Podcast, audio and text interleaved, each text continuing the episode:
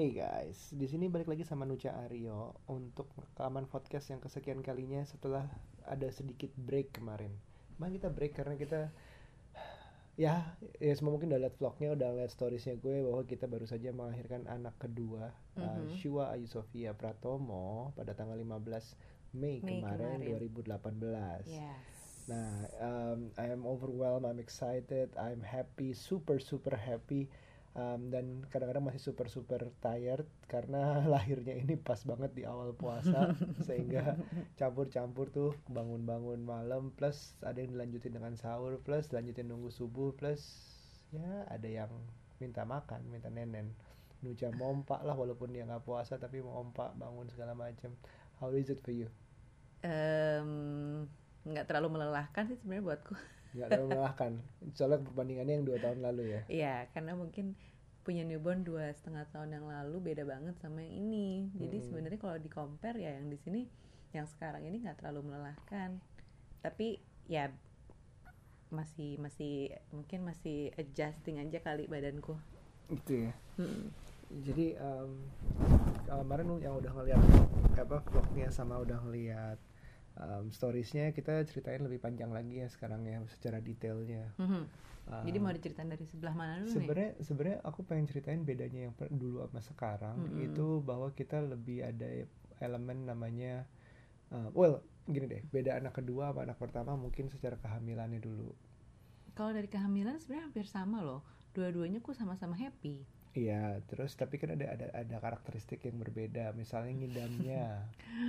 Iya sih, mungkin kalau yang anak pertama itu aku lebih seneng yang rame-rame, terus yang Mm, eh, happy-nya tuh dalam artian aku suka pengen party. banget party. Terus aku ngidamnya konser, pokoknya sesuatu yang rame banget, Mm-mm, keramaian iya. gitu. Terus ada makanan-makanan tertentu juga waktu itu kamu kejar kan, kayak tartnya, Iya, tart cheesecake, cake, apalah mm-mm. itu. Terus ada banyak banget ada apa lel, Aku ah, makan udang, daging udang, pula udang kamu itu. pernah ngejar iya, juga. iya. Nah sekarang dagingnya lebih banyak. Sekarang lebih makan daging, terus udah gitu aku nggak lebih nggak suka keramaian.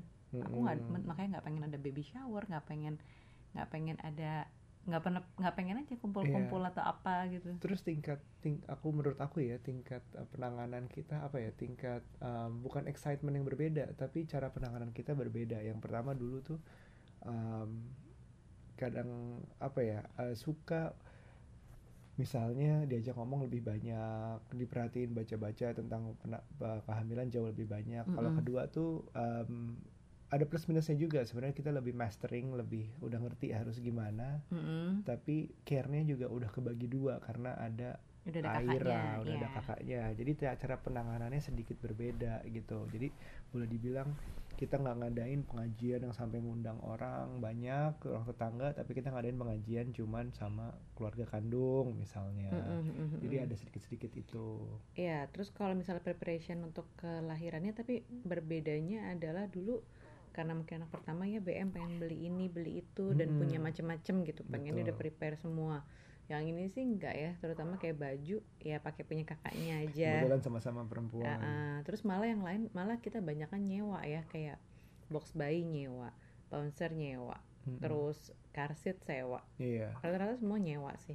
Jadi lihat dulu keadaannya belajar dari pengalaman sebelumnya itu yang Mm-mm. berbeda banget. Mm-mm. Terus satu hal lagi yang sedikit mencolok, um, yang sedikit berbeda adalah um, kita menggunakan sekarang um, hypnobirthing Nah, iya iya iya iya. gitu. Padahal sih la- lahiran ini udah masuk ke Itu lahiran baru, ya fase baru lahiran kapan ya. tuh kita dua kali ketemu yang pertama kapan? Iya, jadi kalau fase lahiran yang pertama sebenarnya kalau dibilang zen aku lumayan zen sih. 4 Iya jam kan? waktu itu. Nah, 4 Mm-mm. jam kontraksinya alami dan lain-lain. Mm-mm. Tapi begitu yang kedua ini nggak entah kenapa aku pengen coba lagi sih lebih zen lagi makanya mau belajar hypnobirthing. Mm-mm, mm-mm. Nah, hypnobirthing itu apa? Kemarin juga aku dengerin uh, podcastnya Adri, uh, interview temennya Dula, seorang Mm-mm, Dula. Mbak Imu ya. Mbak Imo, ha, Iya. jadi um, kita jelaskan lagi kita kita relate banget sama Mbak Imo itu sebagai dula karena kita juga menggunakan dula walaupun bukan dia.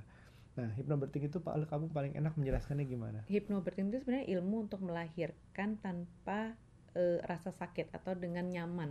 Dengan nyaman lah, kalau Ah, sakit ah. pasti masih ada lah ya. Nah, tapi tiap orang beda-beda Mm-mm. mungkin untuk menahan sakitnya ya.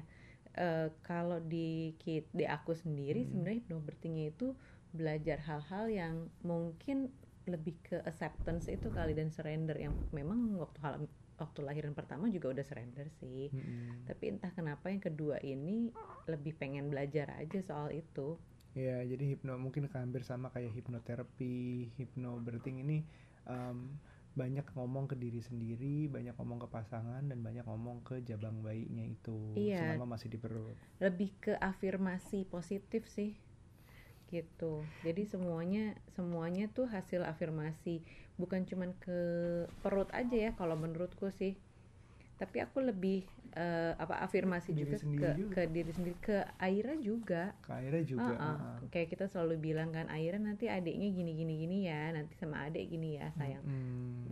kayak gitu gitu jadi emang belajar afirmasi itu sendiri Jadi kita ketemu namanya Bu Lani. Mm-mm, Bulan Kuswandi Nanti kita kasih uh, link Instagramnya di di deskripsi. Mm-mm. Jadi Bu Lani tuh dua kali ketemu um, semacam agak-agak kayak ke marriage counseling sih menurut aku. oh gitu ya Jadi Iya, iya, well nggak nggak nggak mirip banget. Tentu, dia masih ng- ngajarin ilmunya apa tentang hypnobirthing segala macam. Mm-mm. Tapi juga dia kayak mau dengerin kita mau ngomong apa, ada concern Hmm. apa, bapaknya, ibunya. Itu itu ngebantu banget sih kayak ngeluarin. Uh, Mm-mm. sebenarnya ada ketakutan apa sih tentang lahiran ini, tentang anak kedua ini. Iya iya. Not with the exact questions, but basically she's trying to figure out apa ada yang ganggu nggak di kita gitu. Mm, mm, mm, mm, mm. Nah, terus kalau untuk afirmasi sendiri yang sebenarnya ngebantu ada beberapa afirmasi yang selama hamil nih kita omongin terus Iya kan Bab. betul. Pertama nih ngomongin ke bayinya nih ke Shua bahwa eh, kalau bisa lahirannya eh, Shua nanti lahirannya siang aja ya. Karena Mm-mm. Kalau lahiran normal di bayanganku tenagaku tuh lebih ada kalau siang nggak kebayang aku Iya, kalau malam tuh terus harus betul. ngeden oh my god kayaknya udah capek ya sendiri gitu. biological clocknya memang Mm-mm. orang lebih seger di saat siang lah. Siang Iya lah, dan sore. faktor keduanya karena aku nggak pengen ninggalin Aira terlalu lama. Kalau siang kan kebayangnya paling cuman lahiran berapa jam nanti Aira bisa nyusul kayak gitu-gitu. Iya. Jadi aku selalu bilang ke Shua nanti lahirannya eh, siang aja ya. Terus kedua, Yang ketiga Apa? ada ada satu lagi ketiga. iya terus yang kedua selain Shua lahirannya siang, Ah, eh Shua lahirannya yang cepet ya. Iya. Gitu. Lahiran yang cepet itu karena kemarin itu ngat kakaknya kan cuma 4 jam. Mm-mm. Nah, yang sekarang di bayanganku tuh ya udah dua jam aja ya. ambisius nih. Iya, ambisius kalau bisa dua jam. Iya itu sambil sambil asal ngayal, tapi ya kalau emang kejadian, alhamdulillah gitu kan. Terus yang ketiga ada lagi kita kita ya? sebenarnya masih berharap oh kan uh, masih ada antisipasi itulah sesar lah pasti ada kemungkinan terakhir tapi kita maunya itu normal dan gitu kita juga masih Hmm, ya sisanya masih ada lah yang normal yang wish wish lain seperti sehat, pintar, Mm, mm, kuat mm, segala mm, macam itu iya tapi specifically kita minta siang cepet dan normal mm, gitu. mm, mm. So what happens on the day? Jadi di saat di hari H, H itu um, kita nggak, um, gue udah berangkat kantor seperti biasa. Jadi sekitar setengah delapan ya aku berangkat ya, Mm-mm. tujuh setengah delapan gitu berangkat. Terus Tapi ternyata aku pecah ketuban dari pagi sebenarnya kan. iya dari baru jam- dari bangun sesudah pagi aku di tuh. jalan. Iya, sebenarnya aku udah ngerasa dari jam 6 kayak dari subuh gitu. Tapi- Cuman ah ntar aja lah mungkin bukan, mungkin bukan. Mungkin karena Sosok karena positif aja, positive thinking. karena rembes bukan. ya, bukan kayak Ah, ah. pecah pure gitu. Iya, Jadi rembes. pikirnya masih mix apakah itu pipis atau ketuban gitu. Iya, terus kayaknya aduh, tapi kayaknya ini kok eh, udah pakai softex kok ya rembes terus ya. Mm-mm. kayak ngompol gitu aduh kayaknya harus ke dokter Bram deh langsung langsung aja ke rumah sakit. Begitu Nah. dicek udah bener tuh. Iya itu pas pas aku lagi bawa wance lagi. Jadi jadi kamu ke sana sendiri naik naik naik taksi, dan aku udah di uh, airport uh, tol. Udah jauh banget. Ya udah tapi kayak karena nucanya sangat tenang ngadepinnya ya aku gue jalanin meeting dulu dua tiga meeting dulu di airport. Baru sampai Nuca udah sampai rumah sakit jam berapa tuh Mm-mm. sepuluhan jam 10-an dicek pokoknya sampai jam 11 baru dapat hasil kalau itu memang positif adalah pecah ketuban Mm-mm, yang dan- warnanya sudah kehijauan Iya. artinya eh, bayinya udah pup di dalam dan udah kekurangan udah mulai ya, kekurangan oksigen which Iya. nggak boleh gitu salah satu resikonya juga kayak bayinya akan melemah nanti di dalam selain kekurangan oksigen juga ketelan sendiri sama uh, ketuban yang bercampur dengan fesesnya itu. itu. Nah, gue gue nyampe di sana jam setengah 12 ya bu ya. kamu nyampe jam 12-an 12-an. 12-an ketemu Aira dulu. Um, Aira ternyata, ternyata Unca udah masuk ruang bersalin, kita pindahin ke yang eksklusif. tapi akhirnya nggak boleh masuk sebenarnya iya Tapi aku melo tuh di situ Mm-mm. jadi Karena udah ud- kayak baby blues duluan karena ngerasa oh my god nih kata dokter harus sesar kalau dalam 4 jam itu nggak keluar Shua. Iya. Karena kan tak khawatir melemah jadi sebaiknya jangan ambil resiko harus Hmm. sesar. Kalau nih nggak kontraksinya nggak kencang. Di situ aku galau sih mungkin galau karena sesarnya sama galau nggak bisa ketemu nggak Aira bisa lagi ketemu besok. Aira gitu. Dan ngebayangin oh my god sesar itu kan nggak bisa gendong-gendong anak Iya, dulu kayak gitu gitu kan ini akan lama nih gitu sesar tuh bisa sebulan ya nggak bisa gendong iya anak terutama ya. gendong Aira sih gitu Mm-mm. kalau yang baik ya mungkin masih kuat lah ya secara kan berarti pasti nggak seberapa Mm-mm. gitu jadi kegalauan itu lah aku sampai nangis Iya. yang bikin aku nangis itu tapi ya alhamdulillah begitu pada saat kita yang diinduksi. Tapi kita tapi kita masih boleh ketemu Aira. Kita Iya. kita usaha mohon banget ke susternya sebentar aja lima menit saying goodbye. Mm-mm. ya nggak goodbye lah ya saying sebentar lah Ibu mau melahirkan. Akhirnya Aira ditemenin sama nenek-neneknya. Terus ya udah bisa masuk kamar. Ya udah Nucha berjalan tuh. Nah induksi gimana Bu? Induksi sakit banget. Jadi eh, apa namanya kalau dibilang hipnobirthing nggak sakit mungkin ada beberapa case iya ya nggak sakit. Cuman kan kita nih eh, change of plan lah Mm-mm. harus induksi kalau kontraksi alami nggak sesakit itu sih waktu akhirnya nggak sesakit itu tapi Mm. karena ini induksi induksinya lewat apa namanya I- infus dan emang harus dikeluarkan dalam jam waktu tertentu itu yang bikin sakit kalau banget nggak salah sih paling aku telat tuh jam 4 tuh. jam 4 sore paling Mm-mm, lambat harus keluar Nah, itu tuh aku udah sampai sampai muntah dua kali kan. Mm-mm, mm-mm. Saking kok kenceng banget sih gitu. Iya. Dan eh, sedihnya adalah kalau di hypnobirthing tuh ada teknik-teknik ketika kontraksinya makin kenceng ada gerakan-gerakan yang bisa kita lakuin berdua kan suami istri. Which, which is ini agak panjang sih jelasinnya itu dijelasin sama Bulani ada yang sambil agak nungging ada yang pakai alat bantu bola Pakai jimbol, ada pakai macam-macam itu bisa Pakai kain jarik, tapi kan Mm-mm. karena ini udah rembes jadi semua teknik yang dipelajarin tuh nggak bisa dilakuin akhirnya gitu. kita cuma satu posisi doang yaitu duduk bersila berhadapan Uh-uh. eh nggak bersila ya Eh, ya Iya. duduklah pokoknya berhadapan tangan pegangan itu namanya apa bu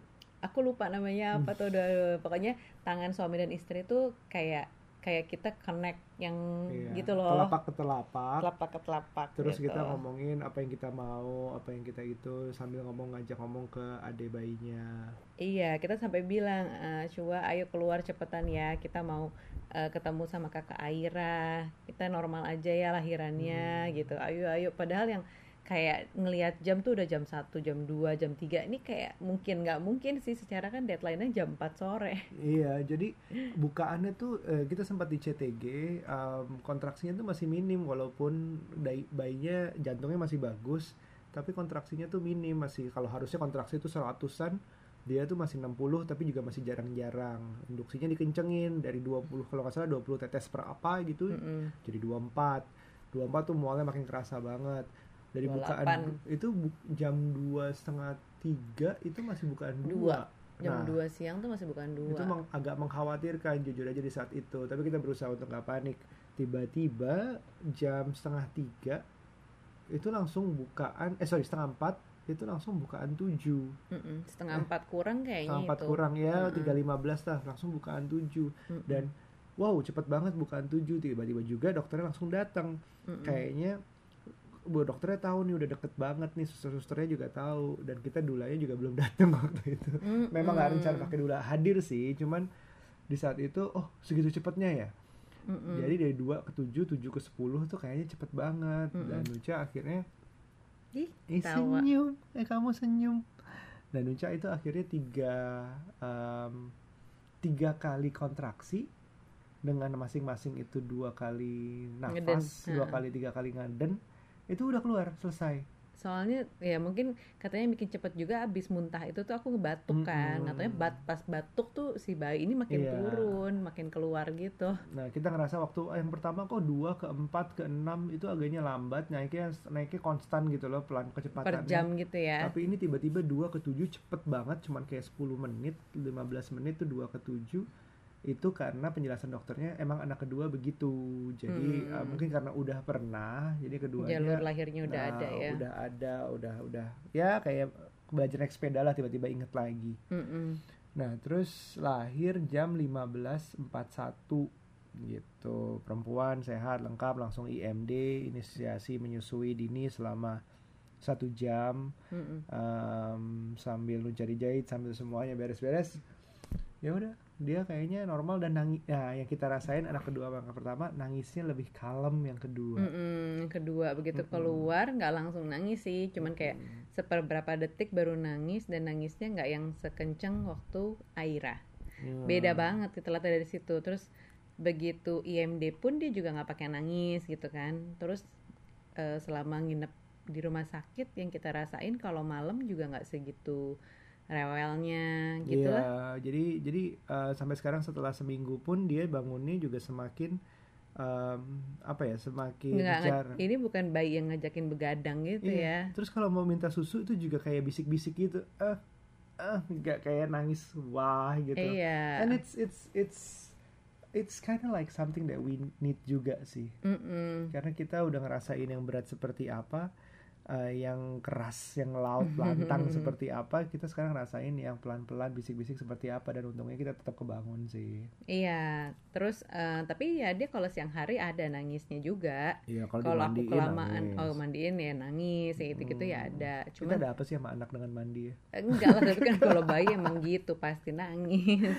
kakaknya juga oh lagi oke terus em, iya jadi kita sih em, Yang paling challenging sih sebenarnya menurutku karena ini udah anak kedua nggak nggak challenging challenging banget secara Mm-mm. kebaiknya. mm, Tapi gimana kita memaintain emosi karena punya satu anak lagi. iya betul challenge challenge-nya di situ sih untuk menahan emosi ini apalagi lagi fase-fase 2 tahun yang you know itu nggak gampang gitu Iya. anak 2 tahun gitu. jadi jadi kita em, ya bener-bener kayak gue merit em, itu pendewasaan anak satu lebih dewasa lagi anak dua mudah-mudahan wow eh, it's always something new yang gue gak nyangka oh gini tuh adalah rasanya rasa lebih menyayangi lebih mencintai dan juga rasa lebih challenging untuk nahan nahan emosi itu oh kita kan belajar Mm-mm. sama anak tuh nggak boleh bilang enggak nggak boleh dibentak nggak boleh apa tapi Iya. sebagai manusia akhirnya loss juga sih sekali sekali akhirnya kena juga tuh dimarahin sama gue Nah, anyway sekarang sih um, we'll we'll take it from here karena alatnya juga agak low battery nih bu Oke. Uh, um, jadi Shua sekarang beratnya udah keluar dari rumah sakit waktu keluar turun sekitar 100 seratusan gram. gram Tapi udah balik tapi sekarang lagi. udah balik lagi dan semuanya sepertinya sehat em, nggak ada yang ya aneh-aneh lah Eh, lahir dengan cukup cukup tengah-tengah lah ya berat ba- berat badannya 3,1 kilo itu ya kita Mm-mm. waktu lahir itu sempat ada bayi lain yang empat setengah kilo wow terus begitu ibunya datang gede banget tinggi banget ibu that's why lah ini bapaknya kecil gini gitu. Jadi ya gitu. em, semoga ceritanya membantu bahwa bahwa yang kita sampaikan sekarang em, di ho- ho- em, ibu itu wanita itu sebenarnya lebih kuat dari yang kalian pikirkan sebenarnya. Nucha ini luar biasa banget dari rata-rata hamil pertama apa lahir pertama 4 jam, yang kedua rata-rata hampir sama. Em, ternyata bisa nanganin penyakit sakit bukan penyakit rasa sakit yang wow banget itu Hmm.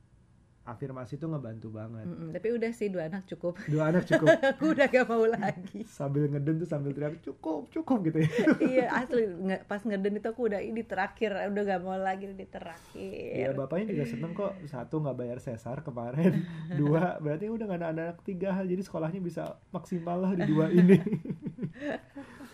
gitu jadi em, coba eh, baca-baca yang namanya hypnobirthing Iya em, terutama buat yang lagi hamil atau misalnya lagi TTC sebenarnya penting juga sih belajar hypnobirthing. Kayaknya hypnobirthing bukan cuma buat lahiran aja ya kayaknya. Iya. Afirmasi itu bisa dalam segala kondisi deh. betul dan penting juga buat bapaknya bapaknya juga selalu oh em, iya buat support suami ke istri sih. Iya, harusnya support utama banget paling atas tuh bapaknya. Kalau Iya. ada, kalau hubungannya sehat itu sangat-sangat berguna sekali. Kedua, ya orang terdekat keduanya kalau bisa eh, orang tuanya atau mertuanya bagus, kakak adiknya, kakak ipar adiknya bagus. Tapi Mm-mm. you have to have the support system sih, gitu. Bapaknya juga harus punya support system loh bu kemarin. Oh iya. Apaan? Ya. Oh iya. boys time, olahraganya itu juga support system biar aku juga lebih happy untuk dukung kamu lebih happy lagi. Ah, gitu ya. Ya, Oke. So far sih gitu nanti bapaknya butuh lagi nanti kalau kurang tidur Oke guys, selamat puasa. Um, semoga ini berguna. Sampai ketemu lagi nanti mungkin habis lebaran kita rekam-rekam lagi kalau ada yang menarik. Ya, mungkin. Um, anything you wanna add? Nggak ada, udah. Oke, sampai ketemu ya. Bye now. Bye. Be nice.